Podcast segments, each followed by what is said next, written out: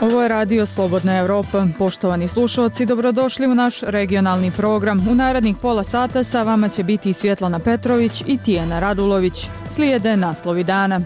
Susret dva lidera pod međunarodnim sankcijama Dodik kod Lukašenka u Bjelorusiji. Bjeloruski novinar poziva Srbiju da ga ne izručuje Minsku. Konstitutivna sjednica Skupštine Beograda odložena za mart. Uvjeren sam u posvećenost Crne Gore evropskom putu, kaže državni sekretar SAD-a James O'Brien. Politika proširenja Evropske unije je više nego ikad geostrateška investicija u dugotrajni mir, izjavio Evropski komesar za proširenje Oliver Varhelji. Ursula von der Leyen najavila kandidaturu za drugi mandat na čelo Evropske komisije.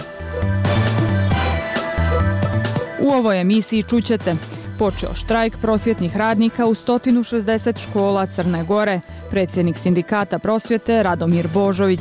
Mi kao prosvjetni radnici nismo presrećni što smo morali da uđemo ovo. Jednostavno smo ovo ušli zato što smo natjerani, zato što vlada nije htjela da razgovara s nama na ozbiljan način.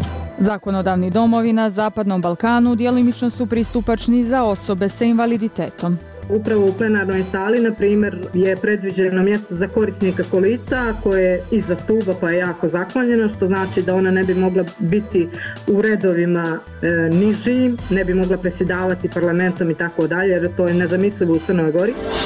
Slušate radio Slobodna Evropa.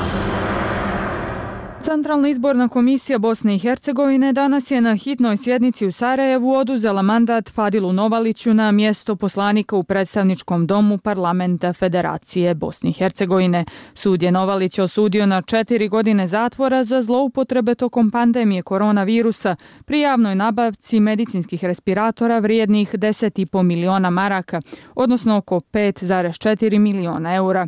Suđenje za nabavku stotinu respiratora iz Kine za potrebe zdravstvenog sistema u federaciji počelo je 23. februara 2021.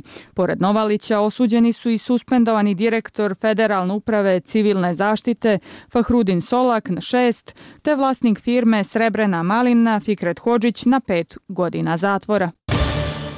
Predsjednik Bosansko-Hercegovačkog entiteta Republika Srpska Milorad Dodik, koji se nalazi na listi sankcija SAD-a i Velike Britanije, susrao se sa predsjednikom Bjelorusije Aleksandrom Lukašenkom, koji je sankcionisan od Evropske unije. Sastanak je održan danas u Minsku, glavnom gradu Bjelorusije.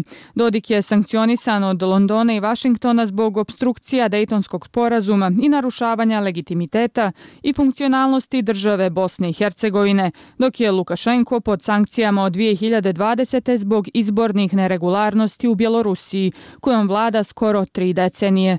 Lukašenko je tokom susreta kazao da Bjelorusija pomno prati situaciju na Balkanu. Mislim da se vi tu čvrsto držite zastupajući interese pravoslavnog naroda i naroda kojim vam vjeruje. Mi smo u tom pogledu na vašoj strani, kazao je Lukašenko. Slušate regionalni program Radija Slobodna Evropa.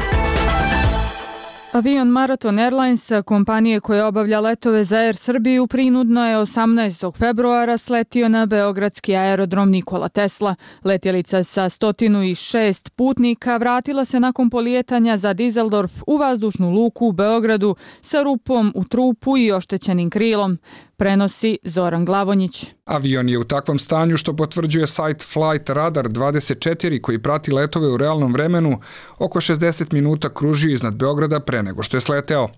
Kako se vidi na fotografijama i snimcima objavljenim na društvenim mrežama, zbog curenja goriva vatrogasci su letelicu posuli protiv požarnom penom. Air Srbija saopštila je da je vraćen u Beograd zbog tehničkih razloga i da je bezbedno sleteo. Bezbednost putnika nije bila ugrožena ni u jednom trenutku, navela je Air Srbija. Portal Tango 6 iz Beograda javio je da je u vanrednom događaju bio avion tipa Embraer 195 LR kojim nije upravljala posada Air Srbije i da je letelica prilikom poletanja imala dodir trupa sa prilaznim svetlima suprotnog pravca piste, Kako navodi taj specijalizovani sajt, razlog je verovatno pogrešna pozicija za poletanje, to što je avion poleteo sa pola piste oko 1300 metara do njenog kraja, nakon što je na pitanje kontrolnog tornja da li sigurno može da poleti sa te pozicije, posada odgovorila potvrdno. Dodaje se da je kontrola letenja pre poletanja pilota Embraera više puta upozorila da je moguće da je napravio grešku.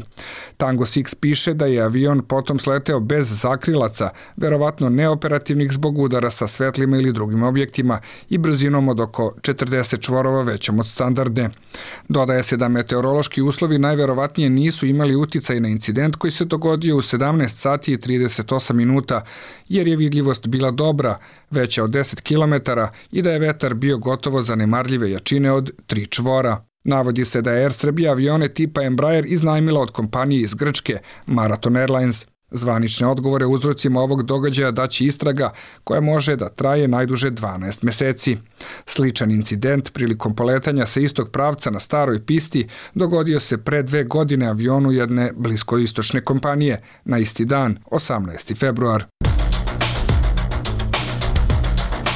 I istok i zapad. Evropska unija i Sjedinjene američke države sa jedne, Rusija i Kina sa druge strane. Nabavka na oružanja od 2016. verno slikava zvaničnu politiku Srbije. Nije se menjala ni nakon ruske invazije na Ukrajinu, ni nakon oštri kritika Brisela i Vašingtona, da kao država kandidat za članstvo u Evropskoj uniji Srbija treba da uskladi spoljnu i bezbednostnu politiku sa Evropskom. Antidron sistem Repelent poslednje u nizu vojno sredstvo koje je iz Rusije dopremljeno u Srbiju. Dogovoreno i kupljeno pre invazije na Ukrajinu. Dio novca je dat kao avans i kod je počeo rat, naravno, e, izgubljena je svaka šansa da se e, pribave e, ta sredstva. I Jedno, pokazalo se da postoji mogućnost da se to politički premosti. Očigledno je da e, u ovom trenutku Vučić uživa blagonaklonost nekih krugova zapada. Kaže za Radio Slobodna Evropa vojni analitičar iz Beograda Aleksandar Radić. Pre toga Srbija od Rusije kupila protiv tenkovski sistem Kornet, raketni sistem protiv vazdušne odbrane Pancir S-1 i četiri borbena helikoptera i pet transportni koji su isporučivani od 2016. do 2019. Cenu je Ministarstvo odbrane Srbije proglasilo tajnom. Srbija ima jednu posebnu praksu za europske prilike da e, prikriva šta je kupljeno. Nema kod nas otvorenih e, tendera, e, nema saopštenja o tome šta je kupljeno. Sve je kod nas neka velika tajna, tako da jedino što znamo o kupovinama naoružanja je od jednog važnog izvora, to je predsjednik Republike Aleksandar Vučić. Kaže Aleksandar Radić. Šta je sve od 2016. kada je Srbija počela da modernizuje svoju vojsku, nabavljeno sa zapada? I da li su po vrednosti veće nabavke na oružanje iz Rusije i Kine ili od članice NATO-a? Potražite na slobodnaevropa.org. Konstitutivna sjednica Skupštine Beograda koja je trebalo da bude održana danas odložena je za 1. mart. Time je ostala otvorena mogućnost da se nakon izbora 17. decembra glasanje u glavnom gradu Srbije ponovi. Izvještava Zoran Glavonjić. Otvaram konstitutivnu sjednicu Skupštine grada Beograda. Kako u sali očigledno nema kvoruma za rad, nastavljamo sednicu 1. marta u 10 sati Saopštio je Toma Fila iz Socijalističke partije Srbije SPS koji je kao najstariji odbornik otvorio zasedanje kom je prisustvovalo 60 odbornika Skupštine Beograda koja ukupno broji 110 mesta. Odbornici vladajuće Srpske napredne stranke SNS Aleksandra Vučića nisu se pojavili u Skupštinskoj sali, iako je lista sa njegovim imenom osvojila najviše mandata, 49. Uprkos enormnim izbornim krađama koje su sproveli SNS i SPS na proteklim izborima, oni su očigledno izgubili grad Beograd, oni nemaju većinu i ne mogu da konstituišu skupštinu niti da formiraju gradsku vlast. Rekao je novinarima nakon petominutnog zasedanja Vladimir Obradović, kandidat za gradonačelnika Demokratske liste Srbija protiv nasilja, koja je osvojila 43 mandata. Kako su socijalisti Ivice Dačića, koalicioni partneri Vučićevih naprednjaka, dobili pet mesta, opoziciona nada sedam, tasna vagi za uzimanje vlasti u Beogradu mogla je da bude lista Mi, glas iz naroda, Branimira Nestorovića, koja je bila iznenađenje izbora sa šest mandata. Iako su se u oči sednice 19. februara rojile spekulacije ko će se kome prikloniti, Nestorović je par minuta pre zasedanja u ponedeljak rekao da je održao postizborno obećanje da ni sa kim neće u koaliciju, iako su mu dva odbornika, kako je se izrazio, odbegla. Vi ste naučeni na političare koji stalno lažu i menjaju izjave. Mi smo rekli da nećemo biti tu i mislim ne razumijem što bi sad nešto promenili. Malo pre sam rekao da bi bilo izvanredno da budu novi izbori, da se ti prebezi nauče da to nosi rizik, da ponekad može da bude bez koristi. Rekao je Branimir Nestorović za televiziju N1. Dosadašnji gradonačelnik iz redova Srpske napredne stranke od izbora u decembru predsjednik privremenog organa Beograda Aleksandar Šapić izjavio je da će ukoliko u narednih desetak dana Nestorovićeva lista ne promeni mišljenje biti novi izbori u glavnom gradu jer je 3. mart posljednji rok za konstituisanje Skupštine. Ako do 3. marta ne budemo imali ovu vrstu skupštinske većine o kojoj sam govorio, matematičku, legalnu i legitimnu, ali po novim standardima za koje smo se mi odlučili, iz želje da imamo puni legitimitet, mi je nećemo praviti. U sljedećoj kampanji glavno pitanje će biti kom jatu ćete se prikloniti, ustvrdio je Šapić. Dobrica Veselinović iz Srbije protiv nasilja izjavio je da ni 1. marta opozicija neće dozvoliti formiranje Beogradskog parlamenta. Da ne dozvolimo poslednji pokušaj i ovu kupovinu vremena od strane Srpske napredne stranke da potkupe i korumpiraju možda još nekoga sa neke druge liste. Mi ostajemo ujedinjeni u našim zahtevima za ponavljanjem izbora, ali i za poboljšanjem izbornih uslova. Opozicija je u sali Skupštine Beograda razvila transparente, pokrali ste izbore, krađa neće proći i Beograd vas neće. Miloš Jovanović iz koalicije NADA zaključio je da je ovakav razvoj događaja bio očekivan. To pokazuje da su svi svesti u Srbiji, pa čak i čovek koji orkestrirao te malverizacije, to je Aleksandar Vučić, da izbori u Beogradu moraju da se ponove i da bi bilo kakvo konstituisanje vlasti u Beogradu bilo apsolutno nelegitimno. Evropski parlament pozvao je rezolucijom 8. februara na međunarodnu istragu o decembarskom glasanju i suspenziju fondova Evropske unije vlastima u Srbiji ako se dokaže da su pokrale izbore. Opozicija i posmatračka misija Centra za istraživanje transparentnosti i odgovornost crta saopštile su da se na izborima 17. decembra posebno u Beogradu desilo flagrantno sistemsko kršenje zakona, uključujući organizovano dovoženje hiljada građana iz Bosne i Hercegovine kao i lokalnih sredina u Srbiju da glasaju za Srpsku naprednu stranku. Za Radio Slobodna Evropa iz Beograda, Zoran Glavonjić. Prosvjetni radnici u skoro 160 crnogorskih osnovnih i srednjih škola danas su počeli štrajk nakon što juče nije postignut dogovor predstavnika sindikata i Ministarstva prosvjete, nauke i inovacija o mogućem povećanju plata. Veliki broj roditelja negoduje jer smatraju da djeca ispaštaju. Izvještava Miloš Rudović. Ministarstvo prosvete saopštilo je da žali zbog odluke sindikata prosvete o stupanju u štrajk. Predsjednik sindikata prosvjete Radomir Božović, međutim za Radio Slobodna Evropa kaže da su na to bili primorani. Mi kao prosvetni radnici nismo presrećni što smo morali da uđemo ovo. Jednostavno smo ovo ušli zato što smo natjerani, zato što vlada nije htjela da razgovara s nama na ozbiljan način.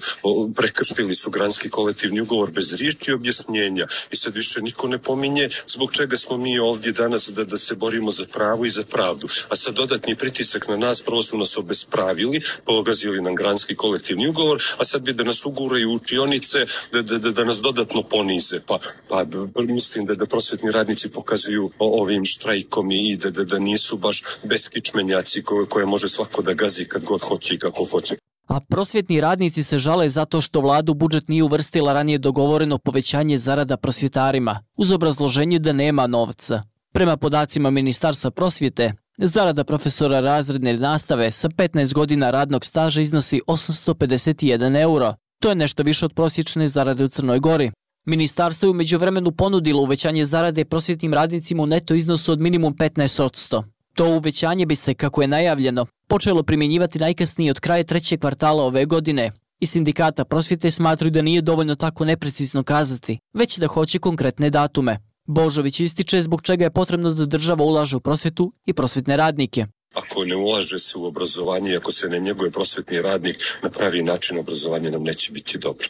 Premijer Milojko Spajić pozvao je danas prosvjetare da razgovaraju sa vladom, poručujući da nema potrebe za štrajkom, te da neće popustiti pod pritiskom i odstupiti od svoje odluke o 15% neto povećanja plate na kraju trećeg kvartala. A veliki broj roditelja je zbog štrajka ogorčan i na društvenim mrežama negoduju jer ne znaju kuda će sa djecom, koji nastavnici štrajkuju, a koji ne, te ko će djeci da nadoknadi časove koji su izgubili. Neka nađu način da se drugačije bore e, za svoje prava, a ne preko, preko, a ne, a ne preko leđa djece. Tako da sam generalno jako, jako ljuta i ogorčena jer smatram da ovo nije u redu, da ovo nije fair i korektno i pošteno prema djeci koja su najranjivija kategorija. Bila je to Danijela, čija djeca pohađaju jednu podgoričku osnovnu školu. Iz Podgorice, Miloš Rudović.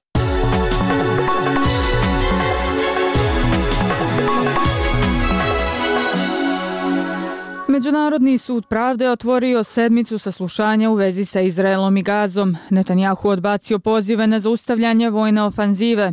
Oppenheimer dobio sedam BAFTA nagrada. Vijesti svijeta poslušajte u prilogu Šejle Ibrahimović. Međunarodni sud pravde otvorio je sedmicu javnih saslušanja u vezi sa zahtjevom, kako se navodi na web stranici tog suda, za savjetodavno mišljenje u pogledu pravnih posljedica proizašlih iz politika i praksi Izraela na okupiranim palestinskim teritorijima, uključujući Istočni Jeruzalem. Tokom sedmice će više od 50 država iznijeti svoje argumente. Palestinski ministar vanjskih poslova Riyad al-Maliki zahtijevao je odmah okončanje izraelske okupacije, prenosi Reuters. Saslušanja će trajati do 26. februara, nakon čega se očekuje da će suci uzeti nekoliko mjeseci za razmatranje prije nego što izdaju savjetodavno mišljenje. Izraelski premijer Benjamin Netanyahu ponovo je odbacio pozive da se zaustavi vojna ofanziva u Gazi, govoreći da će dovršiti posao. Umeđu vremenu član njegovog kabineta zaprijetio je da će okupirati grad Rafa na jugu Gaze ako preostali izraelski taoci koje drži Hamas ne budu oslobođeni do početka mjeseca Ramazana. Izraelska vlada nije javno raspravljala o vremenskim rokovima za kopnenu ofanzivu u Rafi, gdje se sklonilo više od 2 miliona i 300 hiljada palestinaca koji su pobjegli iz drugih dijelova Gaze. Sjedinjene države, glavni saveznik Izraela i dalje se nadaju da će postići sporazum o prekidu vatre i taocima. Izrael je s druge strane jasno pokazao da se protivi američkim pozivima na rješenje od dvije države, iako dobar dio međunarodne zajednice podržava nezavisnu palestinsku državu. Porodice i pristalice nastavljaju da traže pristup tijelu Alekseja Navalnog nakon što su ruske vlasti rekle da se kritičar Kremlja srušio i umro u arktičkom zatvoru.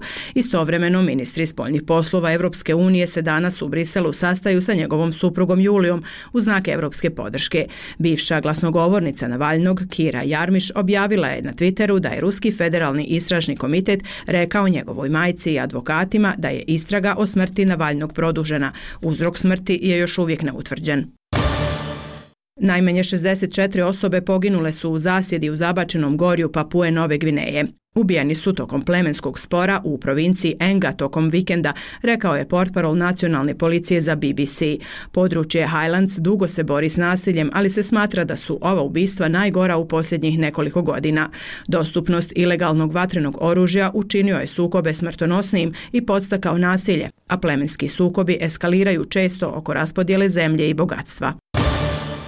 Oppenheimer je veliki pobjednik na dodjeli filmskih nagrada BAFTA, osvojivši ukupno sedam nagrada. Jedan od filmova s najvećom zaradom u 2023. koji govori o izradi atomske bombe, osvojio je glavnu nagradu za najbolji film. Cillian Murphy je dobio nagradu za najbolje glavnog glumca, Robert Downey Jr. najbolji je sporedni glumac. Oppenheimer je dobio nagradu i za montažu, kameru, originalnu muziku te režiju za Christophera Nolana. Zanima vas što se dešava u regiji? Sve možete naći na slobodnaevropa.org. Zakonodavni domovi na Zapadnom Balkanu dijelimično su pristupačni za osobe sa invaliditetom, a ta kategorija građana i dalje se često posmatra samo kao biračko tijelo, a ne kao oni koji treba i mogu da budu birani, kažu sagovornici Radija Slobodna Evropa. Žele li osobe sa invaliditetom u politiku i koliko je u stvari bitno da imaju svoje predstavnike u zakonodavnoj vlasti, slušate u prilogu koji slijedi. Crnogorski parlament nije u potpunosti pristupačan za osobe s invaliditetom, već dijelimično, kaže direktorica Udruženja mladih sa hendikepom Marina Vujačić. Za Radio Slobodna Evropa napominje i da osim fizičke pristupačnosti treba obezbijediti i neke druge uslove, što ukupno gledano dovoljno govori kako Crna Gora vidi osobe sa poteškoćama. Upravo u plenarnoj sali, na primjer, e, je predviđeno mjesto za korisnika kolica koje je iza stuba pa je jako zaklonjeno, što znači da ona ne bi mogla biti u redovima e, niži, ne bi mogla presjedavati parlamentom i tako dalje, jer to je nezamislivo u Crnoj Gori. Iz Skupštine Crne Gore za Radio Slobodna Evropa kažu da su u prethodnom periodu posebnu pažnju posvetili jačanju kapaciteta u domenu pristupačnosti, kako bi poboljšali i unaprijedili položaj osoba sa invaliditetom. Obezbeđena su mesta za osobe sa invaliditetom u plenarnoj sali, a uvedeno je i prevođenje na znakovni jezik nekih od najvažnijih sednica. Skupština je u saradnji sa Savezom slepih Crne Gore pokrenula i servis Pristupačnost, kojim je skupštinski websajt prilagođen slabovidim i slepim osobama. Kazali su iz Crnogorskog državnog parlamenta. Oni su najavili da će Skupština Crne Gore nastaviti sa aktivnostima koje će u potpunosti omogućiti nesmetane uslove za kretanje i rad osoba s invaliditetom. Slični problemi bilježe se i u Srbiji, Bosni i Hercegovini i Sjevernoj Makedoniji, mada na svim adresama koje je kontaktirao Radio Slobodna Evropa navode da se situacija popravlja. Doktorand na Univerzitetu u Licu i aktivista Radoš Keravica navodi da su građane Srbije u prethodnim sazivima parlamenta zastupale dvije osobe s invaliditetom, gospođa koja je preminula istaknuta aktivistkinja Gordana Rajkov, čini mi se da je oko 2008. godine bilo u sazivu parlamenta za vrijeme demokratske vlasti, dok je 2016. u parlament e, ušla koleginica isto istaknuta aktivistkinja Ljubka Mihajlovska. Dakle, obe žene sa invaliditetom su vrlo vidljivim invaliditetom koje se i same identifikuju kao osobe s invaliditetom i koje su zagovarale prava osobe s invaliditetom i namenski su uključile u politiku da bi zagovarale prava osobe s invaliditetom. Kerevic ukazuje i na važnost perspektive iz koje se govori o invaliditetu. Prisjeća se da je njemu lično trebalo dosta vremena da počne da se identifikuje kao onemogućena osoba sa velikim O u političkom smislu, odnosno kao neko ko pruža otpor onemogućavanju. Upravo je taj otpor onemogućavanju po njegovom sudu mnogo važniji aspekt invaliditeta. Invaliditet je mnogo heterogena kategorija. To što ja, na primjer, imam fizički invaliditet, ne čini me nužno ekspertom za pitanja sa kojima se suočavaju osobe sa intelektivnim invaliditetom ili ljudi sa drugim hroničnim bolestima. Da bi neko valjano zagovarao ili želeo da zagovara generalno tematiku prava osoba sa invaliditetom, potrebno je da izgradi svoje kompetencije, da se interesuje i da ima širinu, da prepozna šta je zajedničko svim nama koji imamo određeni zdravstveni problem, invaliditet, hroničnu bolest i tako dalje. On je rekao i da zagovaranje prava osoba sa invaliditetom ne može biti izolovano i u vakumu od svega ostalog što se dešava u društvu. Šta ću ja u parlamentu gde se ove ideje i odluke donose mnogo pre skupštinske sednice, gde je već zacrtano kakav zakon će se doneti, a onda pripadnici, odnosno ove e, pripadnici određene političke grupacije već unapred znaju kako će da glasaju i već unapred znaju da će da odbiju sve amandmane koje opozicija predlaže i nema stvarne i smislene debate. Vujačić navodi da se i poslije godina borbi i aktivizma osobe s invaliditetom često posmatraju samo kao biračko tijelo, a ne kao oni koji treba i mogu da budu birani. On ocjenjuje da je u nekim profesijama jako važno da se kaže da neko ima iskustvo u invaliditetu.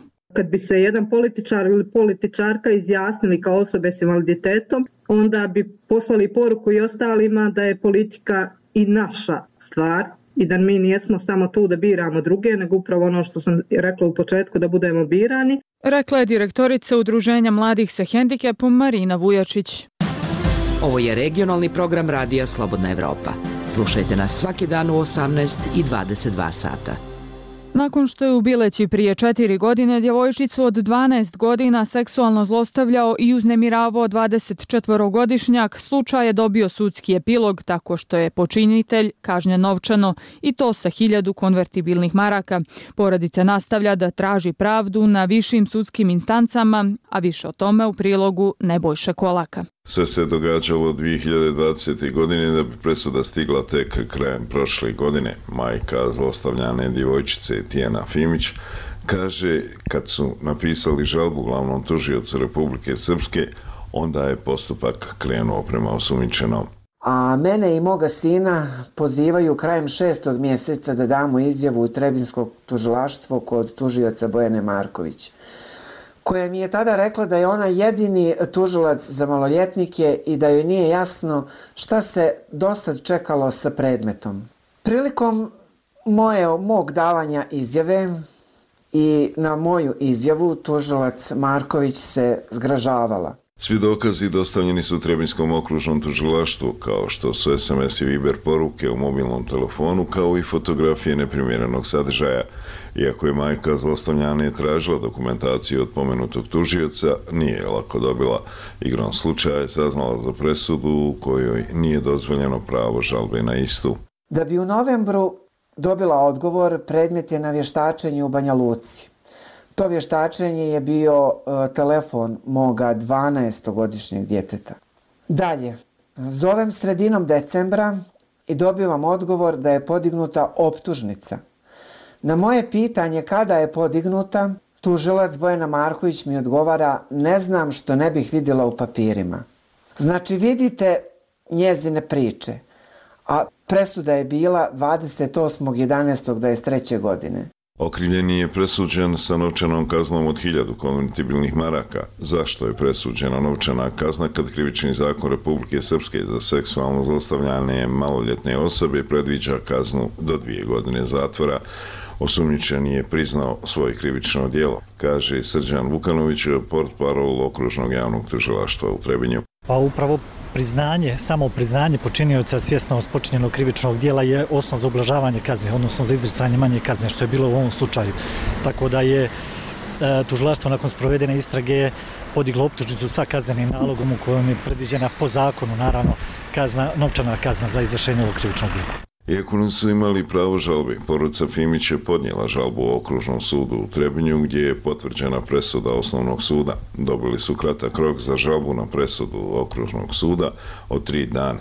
Poruca Fimić je uspjela da dostavi žalbu u Vrhovnom sudu Republike Srpske gdje se čeka njegova odluka. Fimićeva zaključuje. Ja se i dalje ne predajem i žalbu upućujem u zakonskom roku od tri dana prema Vrhovnom sudu.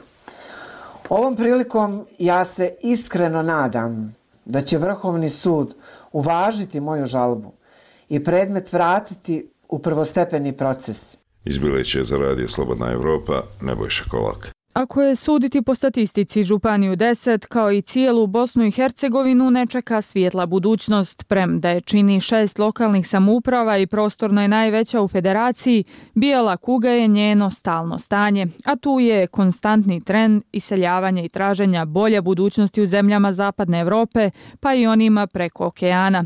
Priču o tome ima Željka Mihaljević. Već više od jednog desetljeća u Županiji 10 broj umrlih je u pravilu bio dva puta veći od novorođenih. U 2023. godini odnos između rođenih i umrlih bio je 1 prema 2,5 kazala nam je ravnateljica Zavoda za javno zdravstvo doktorica Dijana Mamić. U prošloj godini, znači 2023. u rodilištu Livno, to je u stvari naše ovaj, jedino rodilište, rođeno je 261 dijete, a za u isto vrijeme e, na ovoj županiji umrle su 667 osoba. U općini Bosansko Grahovo situacija je najgora, budući da je u prošloj godini rođeno samo jedno dijete, a umrlo 29 osoba. Analiza proteklih 19 godina govori kako je u prostorno najvećoj županiji bijela kuga stalno stanje. Od 2005. do 2023. E, velika razlika znači u broju rođenih i umrlih i mi smo do sada izgubili nešto oko 8000 i 426 stanovnika što je prilike e, veličine e, grada Livna. Lokalne samouprave nastoje pomoći mladim obiteljima su financiranjem kupnje prve stambene nekretnine, a grad Livno je i ove godine povećao naknade za novorođenu djecu. Gradonačelnik Livna Darko Čondrić. Kroz ovaj saziv vijeća startali smo sa 300 maraka za prvo i drugo novorođeno dijete, 400 maraka za treće i svako četvrto. Danas smo znači za prvo novorođeno dijete na iznosu od 700 maraka potpore, e, drugo dijete 900, treće 1100, četvrto i svako sljedeće 1400 maraka, što je značajan porast Mjere su to koje je lokalna samouprava mogla donijeti, no naglašeno je kako je demografija prije svega državno pitanje, pa onda i ostali struktura vlasti, tako i Županije 10, koja po ocjeni Marije Bagarić, neovisne zastupnice u Skupštini, nema dobru demografsku politiku. Smatram da je poražavajuće da poticaji za junice iznose 500 konvertibilnih maraka, a da dječji doplatak iznosi 30 maraka od 2018. godine. Znači da se tu na tom polju nije ništa radilo i ja kažem sve dok nama budu junice važnije od djece, smatram da će e, biti u našoj županiji demografsko rasulo. Iz Livna za Radio Slobodna Evropa, Željka Mihaljević.